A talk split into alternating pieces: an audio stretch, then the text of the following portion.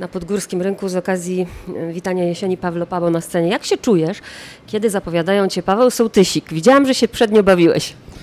No, stwierdziliśmy, że pani spojrzała na mnie, ja nie jestem dosyć taki bardzo wysoki, więc stwierdziła, że to pewnie jak taki mniejszy mężczyzna to jest sołtysik, a nie sołtys. No nie, no to zdarza się, no pani z Domu Kultury dostała tam jakąś kartkę. Ja się prawdę mówiąc nie, nie, nie obrażam, nie przyjmuję, raczej właśnie się, się śmiejemy zawsze z takich rzeczy i gdzieś tam to zostaje, że tak powiem, w busie zespołowym jako, jako żart. Pewnie sto razy słyszałeś już to pytanie, co to są mikrotyki, bo to jest bardzo fajne słowo, bardzo mi się podoba to słowo. Mikro wiadomo, opowiadania, ale czy tworząc to słowo w ogóle miałeś w głowie, że to są jakieś konotacje nałogowe, narkotyki, niemożność oderwania się od tych opowiadań, czy po prostu to ci wpadło? Jaka była historia tego słowa? Nie no, musiałbym być strasznym kabotynem, gdybym y, zakładał, że, że, że ludzie nie będą mogli się oderwać od czytania tych rzeczy. Mikrotyki, najprościej mówiąc, y, ja to wymyśliłem jako drobne dotknięcia, bo właściwie ta książka jest czymś takim, to znaczy ona nie, nie opisuje często wielkich, długich, całych przede wszystkim historii, tylko pokazuje wycinek, jakby dotyka rzeczywistości tam w paru punktach i, i mam nadzieję, że poprzez te dotknięcia coś, coś pokazuje czytelnikowi, ale one są właśnie drobne, więc stąd mikro, mikrotyki. Oczywiście to po prostu też jest fajne słowo, no fajnie brzmi i e, nie ukrywam, że na przykład wydawcy się podobało, bo to jest dobry tytuł, który zapada w pamięć. Nie jest to kolejna książka tam, nie wiem, na ścieżkach pamięci, tylko, tylko po prostu mikrotyki. Jak się wpisze w Google, to właściwie się nic innego nie pojawia. Poza tym, że jest firma w Indiach produkująca podzespoły elektroniczne. Czy ty w ogóle jesteś zaskoczony sukcesem, który odnosi ten zbiór opowiadań? Znaczy ja jestem zaszokowany. Zaskoczony to jest małe słowo. Jestem zaszokowany. Ja po pierwsze, przez wiele lat nie wierzyłem, że ktokolwiek będzie chciał mm, wydać y, to, co ja sobie tam piszę. Y, a kiedy już udało tego wydawcę, zresztą troszkę w specyficzny sposób zdobyć, to ja liczyłem na, na, na paręset sprzedanych egzemplarzy, może dwie, trzy recenzje.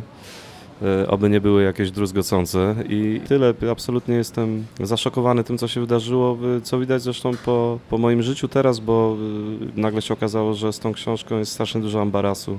Trzeba jeździć właśnie, udzielać jakichś wywiadów, nawet odbierać, e, jak się okazuje, nagrody, czego ja się zupełnie nie spodziewałem i to mi e, strasznie e, przeszkadza żyć, bo ja jestem muzykiem, więc i tak mnie właściwie nie ma w domu, a teraz to już żona myślę, że skrycie mnie trochę nienawidzi, nienawidzi tej książki, bo, bo przez nią właściwie cały czas jestem gdzieś w podróży. Do nagrody to jeszcze dojdziemy, ale chciałam zapytać o samą formę, bo to pozornie się wydaje łatwa forma, króciutkie opowiadanie. Ktoś, kto nie ma pojęcia e, o stronie technicznej, to myśli sobie, o co to tam półtorej stronki napisać.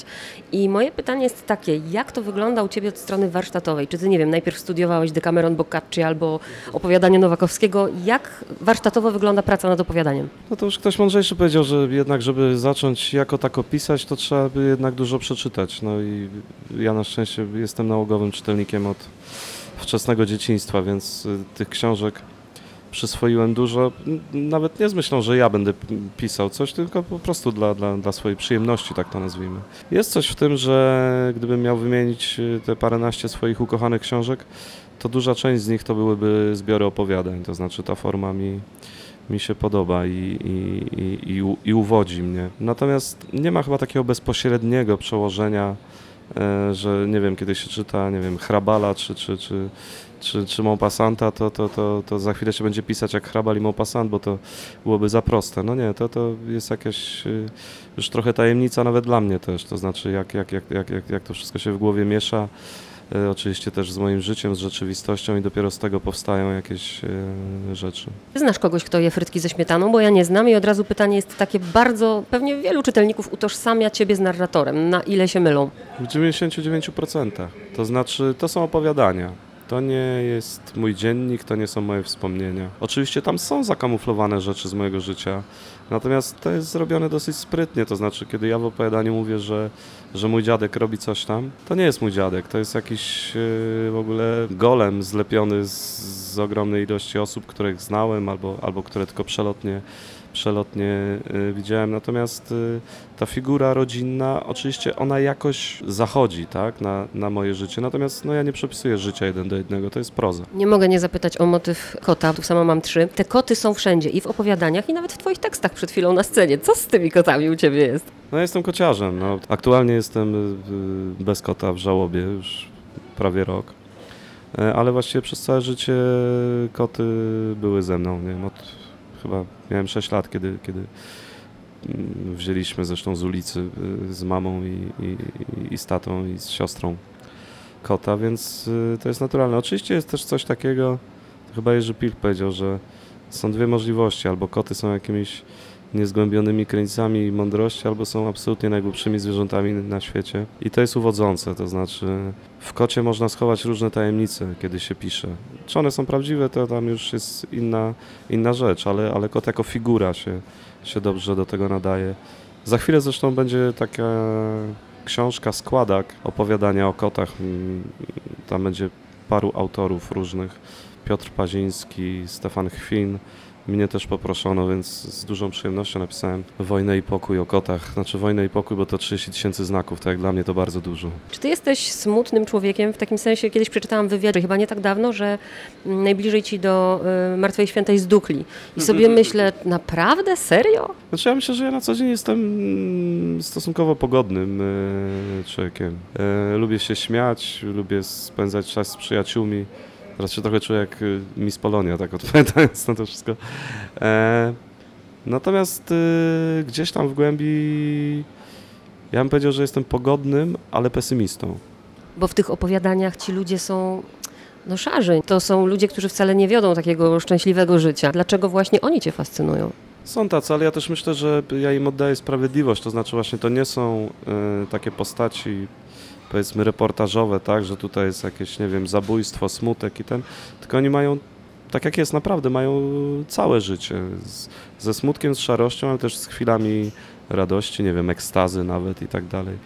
Mm, Ja po prostu przez większość życia żyłem w takich dzielnicach i takich ludzi znam, z takimi się przyjaźnię, Yy, czy, czy, czy takich nie cierpię i z takimi się kłócę, no, więc, więc, więc piszę o nich. Oczywiście jest też coś takiego, że to nie było moje założenie, ale, ale gdzieś miałem to z tyłu głowy, że, że w ogóle kiedy się powstają rzeczy o Warszawie, to one bardzo często są absolutnie oderwane od rzeczywistości, opowiadają o jakimś 20 tysiącach ludzi, którzy mieszkają w ścisłym centrum, jeżdżą Mercedesami, wiesz, i pracują w, w jakichś e, super wieżowcach, a to jest naprawdę jakiś ułamek e, warszawiaków. Większość to są normalni ludzie, tak jak tutaj na Pogórzu, to, czy, czy, czy nie wiem, w Radomiu, czy, czy, czy w Katowicach.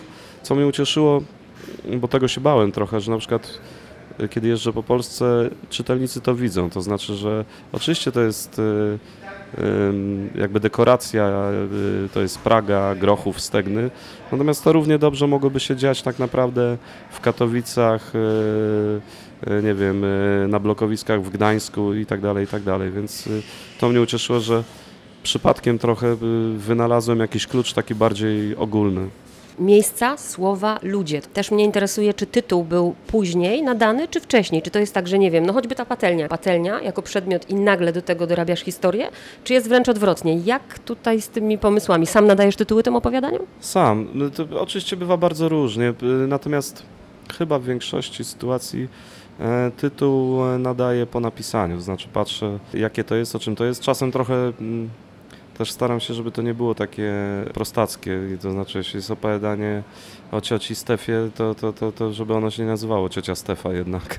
Natomiast bardzo często punktem wyjścia, w akurat w moim przypadku, e, są detale drobnica, stąd może też te mikrotyki, to znaczy właśnie to może być patelnia, e, to może być jedno króciutkie, nie wiem, spotkanie z kimś e, nieznajomym na ulicy, które nagle w głowie gdzieś tam się rozrasta do, do, do jakiegoś opowiadania.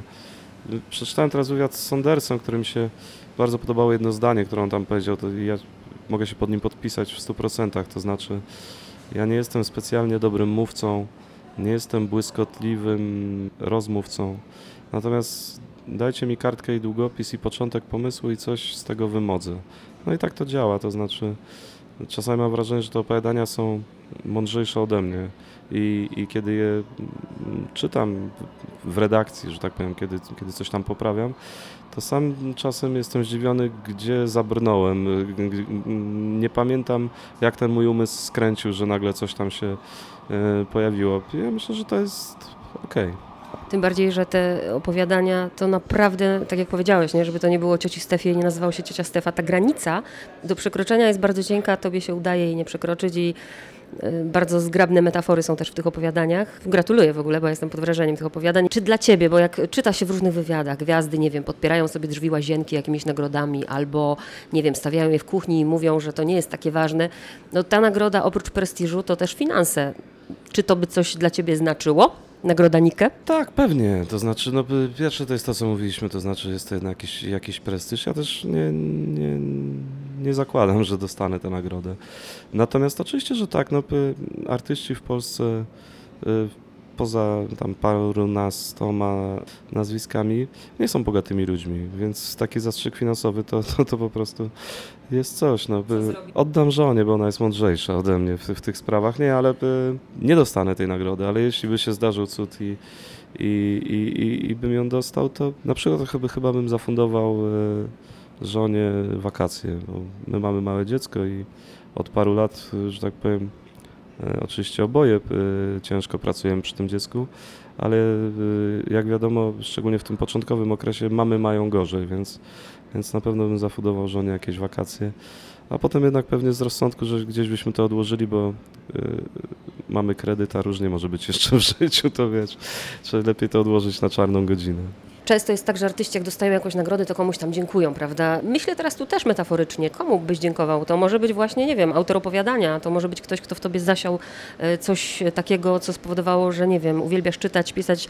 To w ogóle jest tak wielka y, rzesza realnych i nierealnych osób, E, na przykład parę pań polonistek, które miałem w swoim życiu, bo to e, jest tak, że ja do pewnego momentu bardzo chciałem być historykiem i, i, i w ogóle myślałem, że będę historykiem albo archeologiem, chciałem takie rzeczy robić w życiu, natomiast trafił mi się strasznie zły nauczyciel od historii w liceum, który absolutnie mnie odwiódł od tego pomysłu, znaczy poprzez swoją, że tak powiem, słabość. E, Natomiast do polonistek w większości przypadków miałem, miałem szczęście. y, Miałem panią w liceum, Hannę Czapską, która e, bardzo nas zachęcała do pisania. To znaczy, dużo mieliśmy czegoś, co się nazywa wolnymi tematami wypracowań i tam naprawdę można było zrobić wszystko. Oczywiście pisaliśmy bzdury, bo byliśmy licealistami. Natomiast ta jakby ta swoboda, to, to zachęcanie, to dla mnie to było bardzo ożywcze i, i wtedy ja pamiętam, że pierwszy raz poczułem, że, że to jest coś wspaniałego jednak, że, że, że coś tam można na tym papierze nowego wy, wy, wymodzić i w dodatku nie dostaję za to po łbie, tylko ktoś mnie jeszcze chwali, więc no to chyba nie jest takie częste w polskich szkołach wcale. Słucham twoich tekstów, to to są dla mnie mikrocyki. To są historie i z wielką uwagą ich słucham. Czy tobie przyszło w ogóle do głowy, a moje ukochane opowiadanie to jest ostatnie w mikrotykach, żeby zrobić z tego właśnie piosenkę? Chyba nie, chyba to oddzielam. E, Na, na, na winylu ostatniej płyty zrobiliśmy taką wersję opowiadania daleko, e, gdzie, gdzie trzy osoby różnymi głosami tam pod muzykę jakby to opowiadają. Natomiast, y, no nie, to są jednak dwie, dwie różne rzeczy. Oczywiście moje piosenki bardzo często są historykami, więc to się w jakimś sensie łączy. Natomiast w opowiadaniu można więcej. No może nawet nie tyle więcej, co można inaczej. Skoro już mi się udało jakoś tam zaistnieć i tu, i tu, to będę sobie to rozdzielał. Tu będę sobie pisał piosenki, a tu sobie będę pisał opowiadania. A masz jakieś ukochane opowiadanie, czy po prostu to wszystkie dzieci kochasz tak samo? To jest trudne pytanie, bo oczywiście odpowiedź powinna być wszystkie dzieci kocham tak samo. To nieprawda oczywiście. Tak samo z piosenkami, to tak się w wywiadach właśnie odpowiada. Tak, tak, wszystkie. To się zmienia. Oczywiście, bo jedne rzeczy mi się podobają. Ja w ogóle, prawdę mówiąc, no, od roku co najmniej nie zaglądałem do tej książki. To znaczy, no, y, na jakichś tam spotkaniach autorskich czytałem może fragment, natomiast no, też nie jestem kabotynem i nie czytam swoich własnych książek. To mniej więcej wiem, co tam napisałem. Lubię opowiadanie Jurek. Wydaje mi się, że tam jest wszystko to, co, co ja lubię w opowieści. To znaczy, jest trochę tajemnicy, jest trochę jakiejś tam tragedii, smutku, ale są też fragmenty, że, że myślę, że czytelnik może się po prostu uśmiechnąć. A, a najlepiej było, żeby się w ogóle może zaśmiał w głos y, ze dwa razy. Bo takie jest życie, no, że właściwie jest trochę przygnębiające, smutne, nie kończy się za dobrze, ale co chwila się y, śmiejemy z jakichś powodów, bo byśmy oszaleli, gdyby tak nie było. Tym optymistycznym akcentem dziękuję. Dziękuję pięknie.